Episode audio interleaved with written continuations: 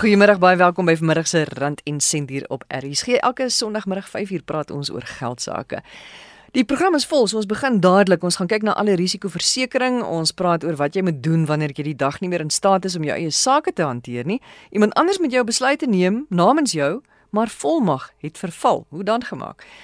Maar ons begin die program met die enorme koste wat jy jouself op die hals kan haal as jy iets haatdraand kwytraak op sosiale media of jy pleeg naamskending. My eerste gas Arinda Trieter, sy is 'n assosiaat prokureur by Dingley Marshall. En Arinda, jy sê jy het al meer van hierdie soort sake. Mense is op sosiale media. Dit lyk amper asof dit vir hulle al hoe moeiliker raak om eerlik in die veiligheid van hulle sitkamer 'n wag voor jou mond te plaas. En jy wil mense waarsku teen naamskending of haatspraak op sosiale media want jy sê dit kan 'n mens baie baie duur te staan kom. Net gou eerstens, wat sal deurgaan as naamskenning of haatspraak? So die definisie van naamskenning is dat dit 'n onwettige en 'n opsetlike publikasie is van 'n lasterlike verklaring oor iemand anders wat dan daardie persoon se goeie reputasie verlaag in die oë van die publiek of van iemand anders. So ons reg beskerm jou reputasie en bepaal dat jy skadevergoeding kan eis vir enige publikasie wat jou reputasie kan beskadig. Naamskenning is beslis een van die mees algemeenste redes waarvoor mense deesdae prokureurs gaan sien want ons sien dit elke dag rondom ons wat vir ons die meeste sien is op sosiale media. Want dit is soos wat jy sê dis amper asof mense dink omdat jy agter 'n sleutelbord en 'n skerm is in die veiligheid van jou huis kan jy sê en doen net wat jy wil op sosiale media en niks gaan met jou gebeur nie. En omdat naamskenning publikasie vereis dink baie mense nog aan publikasie in 'n koerant of op iets anders wat skriftelik is. Maar dit is die punt wat meeste mense mis. Sosiale media bly 'n openbare platform en enigiets wat jy daar sê, word deur ons reg gesien as publikasie. So mense wat sosiale media gebruik, het nog steeds die reg om nie belasting te word op sosiale media nie. Nog iets wat baie voorkom op sosiale media is haatspraak. Ja, Haatspraak is wat ons ongelukkig so gedurig in die nuus sien. Dit is nou die Penny Sparrows en die Adam Katsavelos van ons land wat al hierdie dinge sê op wat op sosiale media opeindig. En ons reg mag niemand iets publiseer of sirkuleer wat die doel het om iemand seer te maak of haat te bevorder nie. Nou dit sluit 'n lang lys van verbode gronde in. Dit kan nou enigiets wees van ras, geslag, jou etiese oorsprong, jou seksuele oriëntasie, jou ouderdom, godsdienst, taal, enigiets wat op daai lys van verbode gronde val. En dit sluit natuurlik in enige ander grond wat jou menswaardigheid ondermyn. En jy mag glad nie enigiets publiseer wat die doel het om om hierdie gronde te gebruik om haat te bevorder of iemand seer te maak nie.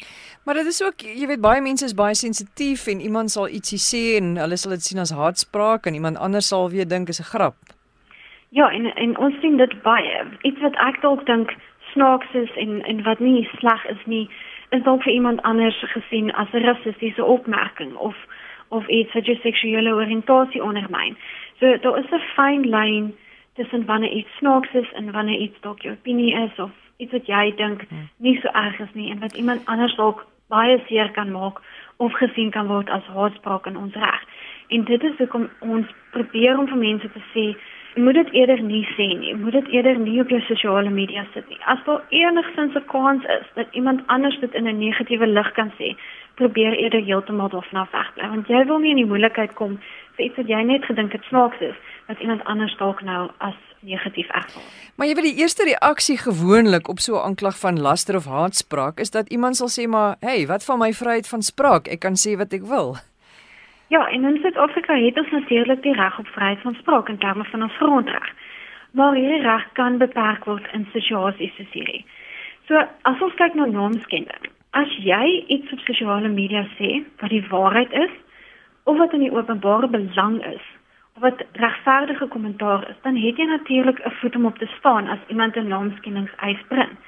So byvoorbeeld as ek nou iets op sosiale media sou sê oor 'n politieke figuur wat in die openbare belang is, dan kan daai persoon dit nie sien as naamskenning nie, want ek sê dit in daai konteks. Maar daar is 'n fyn lyn tussen 'n beskermde opinie en net bloot iemand belaster. En hierdie kan nie jou algemene wegkomkans wees vir alle aanspreeklikheid nie. En aan die ander kant is haatspraak 'n kriminele oortreding. So daar's baie min verdediging teen haatspraak. En jou reg op vryheid van spraak is beslis baie beperk as dit kom by haatspraak. So as jy nou iets op sosiale media plaas wat iemand aanstoot gee, dan kan hy nou 'n saak teen jou gaan maak. En wat kan die gevolge dan daarvan wees? Ja, so as iemand jou aankla van naamskenning op sosiale media, kan daai persoon jou dagvaar en jou hof toe sleep. En nie net kan die hof jou beveel op die einde van die dag om skadevergoeding aan hierdie persoon te betaal nie, maar daar kan natuurlik 'n klomp regskoste wees om nie net vir jouself te betaal om jouself te verdedig nie, maar daai persoon se regskoste kan ook na jou kant toe kom en jy gaan daarvoor aanspreeklik gehou word. So 'n persoon kan ook 'n interdik teen jou kry en dis nie iets wat jy graag op jou naam wil hê nie. As jy aan die ander kant aangekla word van haatspraak, is dit 'n kriminele klag en dit is baie ernstig. Wat ons gesien het van die van die groot sake in die afgelope paar jaar, kan dit lei tot 'n groot boete van om en by 150 000 rand. Dit kan ook lei tot gemeenskapsdiens en selfs tronkstraf vir 2 jaar, soos wat ons nou onlangs in 'n saak gesien het. En Die probleem met haatspraak is mense verloor hulle werk en hulle besighede word geboikot. Ons sien dit gereeld op sosiale media. Die wat ons noem die social media warriors, hulle kom uit en hulle vind uit waar jy werk en hulle tag jou werk in 'n op sosiale media en sê jou werk moet jou afdank. Hulle plaas foto's van jou kinders, van jou vrou op sosiale media. Al hierdie goed gebeur en natuurlik is dit dit is nie reg nie en ons wil dit nie sien nie maar mense voel so sterk daaroor om haatspraak uit die weg te ruim dat hulle enigiets sal doen om jou te ondermyn en om seker te maak jy word gestraf vir wat jy gedoen het. En mense moet natuurlik ook onthou dat WhatsApp is ook 'n sosiale media platform, nê? En baie mense vergeet dit en dink WhatsApp tel nie, want WhatsApp is nog steeds presies dieselfde as Facebook of Instagram of Twitter. En boodskappe wat tussen vriende en familie op WhatsApp of op privaat groepe gedeel word en selfs privaat boodskappe op Facebook kan maklik geskreenkrap word teen die ander persoon aan die ander kant en gedeel word op sosiale media met ander mense en skielik sien alle ander mense wat jy nou gesê het op 'n WhatsApp boodskap wat jy gedink het net aan 'n vriend of 'n familielid gaan. En is dit so dat as die al is dit die 5de of 6de persoon by wie daai boodskap uitkom en daai persoon neem aanstoot, dan kan hulle nog steeds vir jou 'n uh, saak teen jou maak. Ja, want in ons reg is die deler net so skuldig soos die oorspronklike skepper van die inhoud.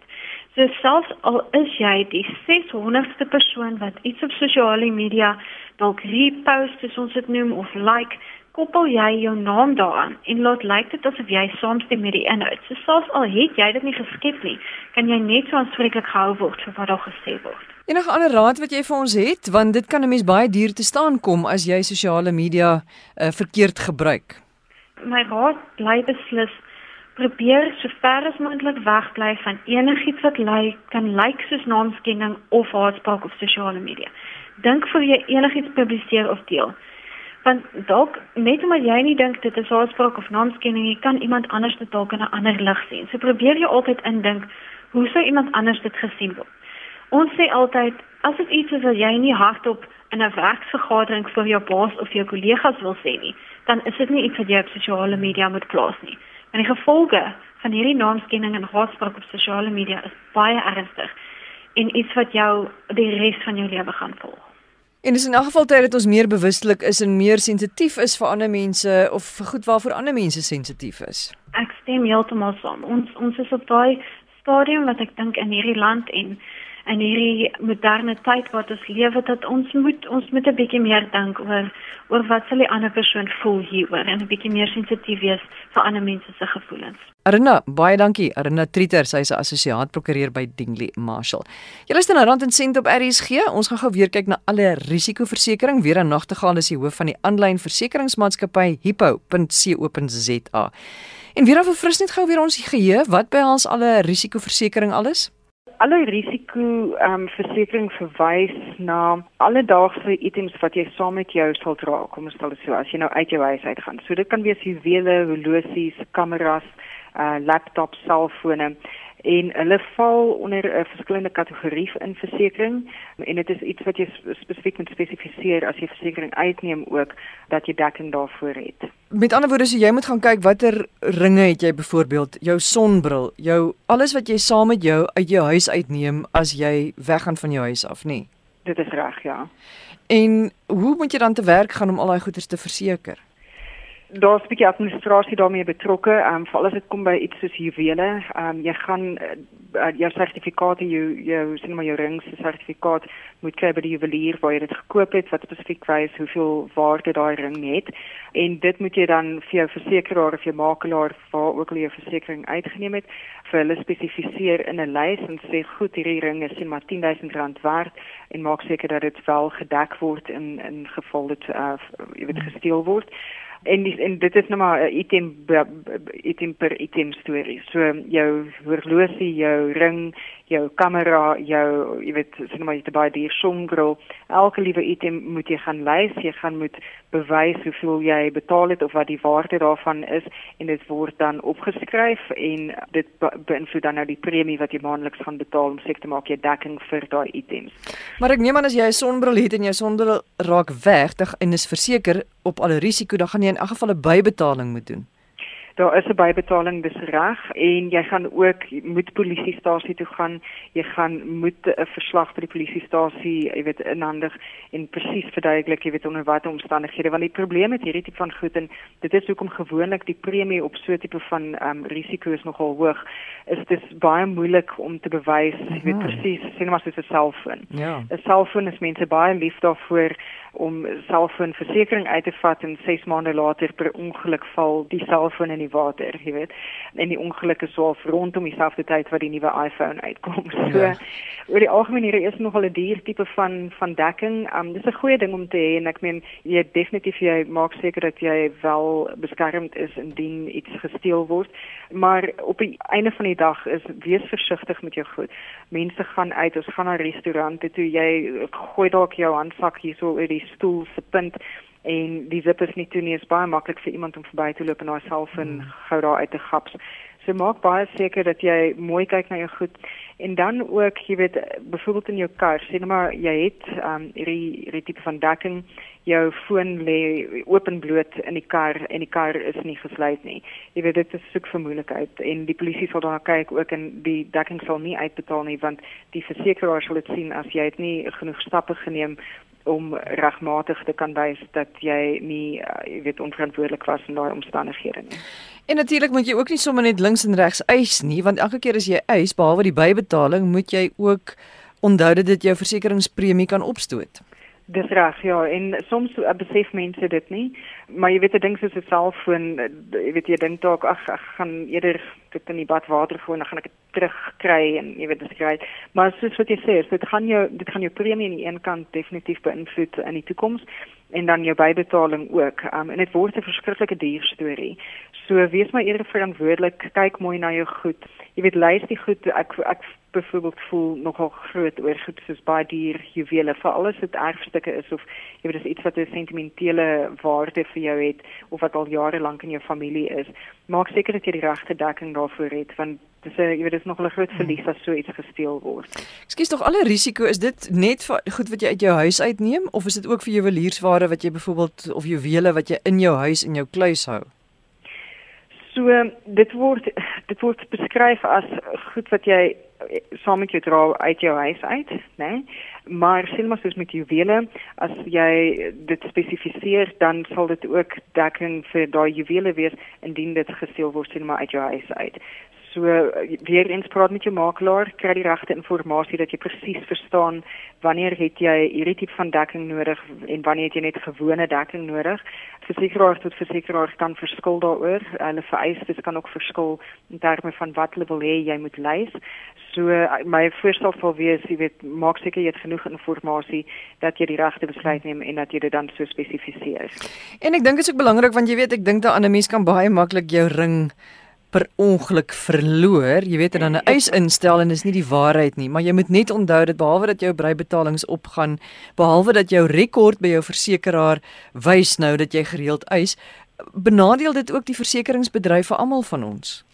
Dit is so en ek meen die die hele prinsip van versekerings, jy weet dit nou jare en jare gelede begin het, is dat dit 'n groep mense is wat mekaar help kyk na mekaar so goed. En so as die een ou iets verloor, dan is daar genoeg geld in hierdie pool om uit te betaal en dan jy weet baat almal daarbey. En dit is nog steeds die die die prinsip waarop versekerings moet werk vandag. Um en dit is jy weet tussen die mediese bedryf en en mediese versekerings wat so verskriklik duur word. 'n Groot deel daarvan is as gevolg van mense wat ongelukkig jy weet eis vir goed wat nie noodwendig nodig is nie en dit stoot daai premies ongelooflik hoog op vir ons almal. So jy weet mens moet dink aan die aan die weier risiko en nie net dit wat vir jou 'n paar rand in jou sak gaan sit nie. Dis daarom iets wat jy verloor te vervang en nie daar om geld te maak nie. Ja, hmm. absoluut, dis nie 'n besigheid nie. 'n Laaste woord miskien wat ons nog moet weet van alle risikoversekering? Indien jy dit het en indien iets wel gesteel word uit 'n kar uit of jy weet onseker tipe van omstandighede, maak asseblief seker dat jy so vinnig as moontlik by die polisiestasie uitkom en daai verslag kry. Sonder dit sal jy nie die eis kan instel nie en dit gaan nogal 'n 'n uh, baie ongelukkige situasie wees. Ons sê dan maar jy's oor see of jy's in Suid-Afrika, jy verloor jou baie duur juweliersware, jy moet eis. Moet jy dan dadelik daar, moet jy dan dadelik die hele proses daar in die gang sit of kan jy wag tot jy terug is van jou vakansie af by die huis? Ja, die beste is om onmiddellik of jou versekeraar of jou makelaar te laat weet en wel polisiestasie toe te gaan maak nou nie saak of jy oor see sit en of jy hierso is nie dat jy al jou dokumentasie so vinnig as moontlik agter mekaar kry. Nou ek weet as jy lekker op vakansie is, miskien in Italië is dit die laaste ding wat jy gaan lus wees, maar ehm um, die versekeraar sal ongelukkig wil hê dat jy dit as bewys moet indien. Baie dankie, dit is Vera Nagtegaal. Sy is die hoof van die aanlyn versekeringsmaatskappy hippo.co.za. In ons afgelope reeks oor aftrede beplanning het ons gepraat oor boedelbeplanning en toe die kwessie van volmag wat wegval die oomblik wanneer jy nie meer in staat is om jou eie besluite te neem nie weer opgekom. Nou Nicoline Skuman Lou is van Skuman Law ingelyf en uh, sy verduidelik net weer vir ons wat dit presies behels en wat ons daaraan kan doen. In 'n holistiese beplanningsopset, boedelbeplanning spesifiek is daar gewoonlik 'n paar standaard prosesse of dokumente wat ons in plek sit. Een van daardie dokumente is wat ons noem die lewende testament. Nou die lewende testament is essensieel 'n dokument wat gewoonlik geliaseer word by 'n mediese praktisyn of met naastebestaandes gedeel word en word reguit voerbaar gedurende die lewe van die persoon wat hom opgestel het of geteken het dit bepaal dan die die mediese sorg wat daardie persoon sal verlang in die geval wat iets onvoorsien gebeur, miskien 'n motorongeluk of langtermynbewussyn wat wat nie meer ehm um, teenwoordig is nie of bevoegdheid wat dan nou weg is op 'n op 'n sekere manier. En ek wil duidelik maak dit gaan nou glad nie oor genade dood en die tipe van goed nie, dit is onwettig in Suid-Afrika. So dit gaan bloot daaroor oor wat se tipe sorg jy so, graag sou wil hê in 'n geval wanneer jy nie meer vir jouself kan praat nie. Die tweede dokument is dan nou die testament. Die testament is 'n dokument wat uh, na afsterwe regsuitvoerbaar word. En dit handel dan met die bates en die laste en al ons aardse dinge wat dan nou agterbly na afloop van ons lewe en hoe dit hanteer gaan word, wie dit gaan erf ensovoorts. So net om duidelikheid te kry, hierdie twee dokumente is baie baie verskillend van mekaar. So wanneer ons praat van 'n volmag, is dit ook baie anders as 'n lewende testament, want dit handel uitsluitlik dan met bates of laste of transaksies. So oor hoof skry mens twee tipes volmagte. 'n Spesifieke volmag of 'n spesiale volmag wat gebaseer is miskien op 'n spesifieke situasie, 'n transaksie, 'n spesifieke bate, miskien 'n platform of 'n tydsgreep. Dan kry mens ook 'n algemene volmag wat algemeen is en wat algemene volmag verleen aan 'n persoon om namens jou iets te doen of namens jou op te tree. Nou watter van die twee mees geskik sal wees is afhangend van die situasie en die omstandighede daarom. Weereens is iets wat gebruik word of regtig voerbaar is gedurende jou lewe maar hier kom die kinkel in die kabel en nou gaan ek die vraag antwoord. Dit gaan oor regsbevoegdheid. Met ander woorde dat die mag van besluitneming in die gewone manier teenwoordig is. Dat jy jou eie sake nog kan behartig en 'n ingeligte besluit kan neem daaroor. So die oomblik as jy 'n volmag teken en in 'n in die toekoms daardie bevoegdheid nie meer daar is nie, kom ons sê in 'n situasie soos Alzheimer of demensie enige iets wat die besluitnemings mag as sulks dan aantas op op 'n manier dan val daardie volmag van 'n regsoogpunt af weg. En dan is in Suid-Afrikaanse reg die enigste pad vorentoe is eintlik om 'n hof te nader en 'n kurator aansoek te bring om namens daardie persoon na hulle doen en late en hulle finansiële aspekte, bates en lastes en dies meer te kan omsien van 'n regsoogpunt af. Oor see is daar ander alternatiewe.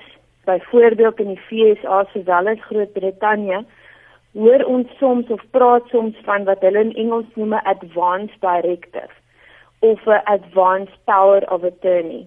Met ander woorde dat jy 'n uh, volmag kan uitreik of 'n dokument kan saamstel wat benewens die feit dat regsbevoegdheid dalk kan ontbreek in die toekoms nog steeds sal vol staan.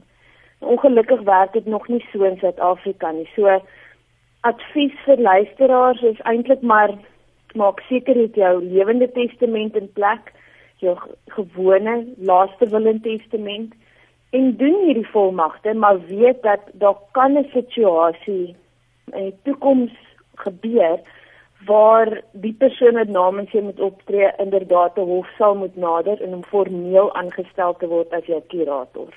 So Nicoline, verstaan ek jou reg? Al sit ek miskien in my testament dat ek wil graag hê my seun of my dogter of wie ook al moet al die mag hê en al die besluite vir my neem en moet besluit waar ek gaan woon of lê as daar so 'n situasie kom dat ek nie meer besluite kan neem nie, dan is dit nie geldig nie tensy daar hierdie kuratorskap verkry word by 'n hof.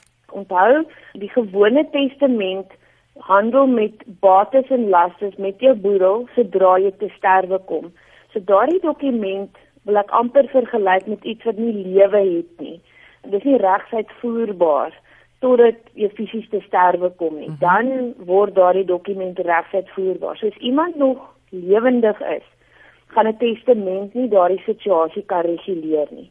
Die enigste manier wat jy dit kan doen is a is dit bloot gaan oor mediese sorg of behandeling deur middel van 'n lewende testament of in terme van jou sake te behartig of bates te bestuur, betalings te kan maak ensovoorts dan is dit 'n volmag.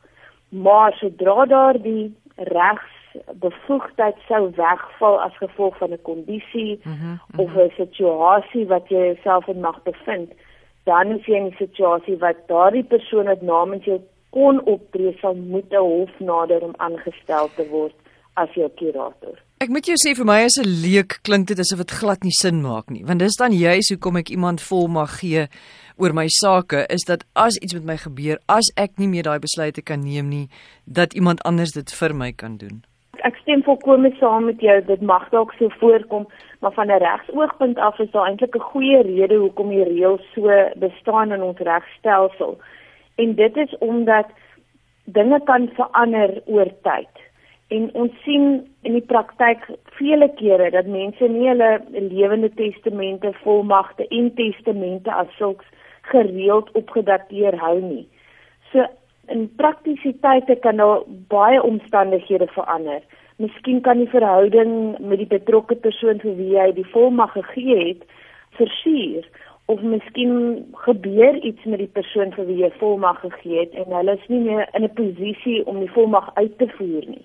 So soveel aspekte kan verander of eintlik maar verkeerd gaan van 'n regsoogpunt af veral wat dit betrek 'n versuurde verhouding of of vertroue wat tussen die partye dalk verbrokkel oor vir watter rede ook al is hierdie struktuur om seker te maak dat hierdie persoon op 'n behoorlike manier nie net aangestel is nie maar ook verreken sodat niemand op 'n latere stadium daardie persoon se optrede kan bevraagteken nie of die besluite wat hulle geneem het kan bevraagteken nie. So dis eintlik maar beter vir beide partye om deur hierdie proses te gaan sodat jy jouself beskerm van enige uh, ongegronde aantuigings omtrent hoe jy dit behartig het as die persoon wat die volmag dan nou hou in 'n situasie waar die bevoegdheid nie meer teenwoordig is nie. En dit was Nicoline Skuman Lou, sy is van Skuman Law ingelyf. Dit is ons program vir vandag. Onthou al ons gesprekke beskikbaar by www.rsg.co.za. Onthou die herhaling van Rand en Sent op Woensdagoggend 04:30. My e-posadres steine@gmail.com en ek wens vir jou alle sukses toe vir die week wat voorlê. Totsiens.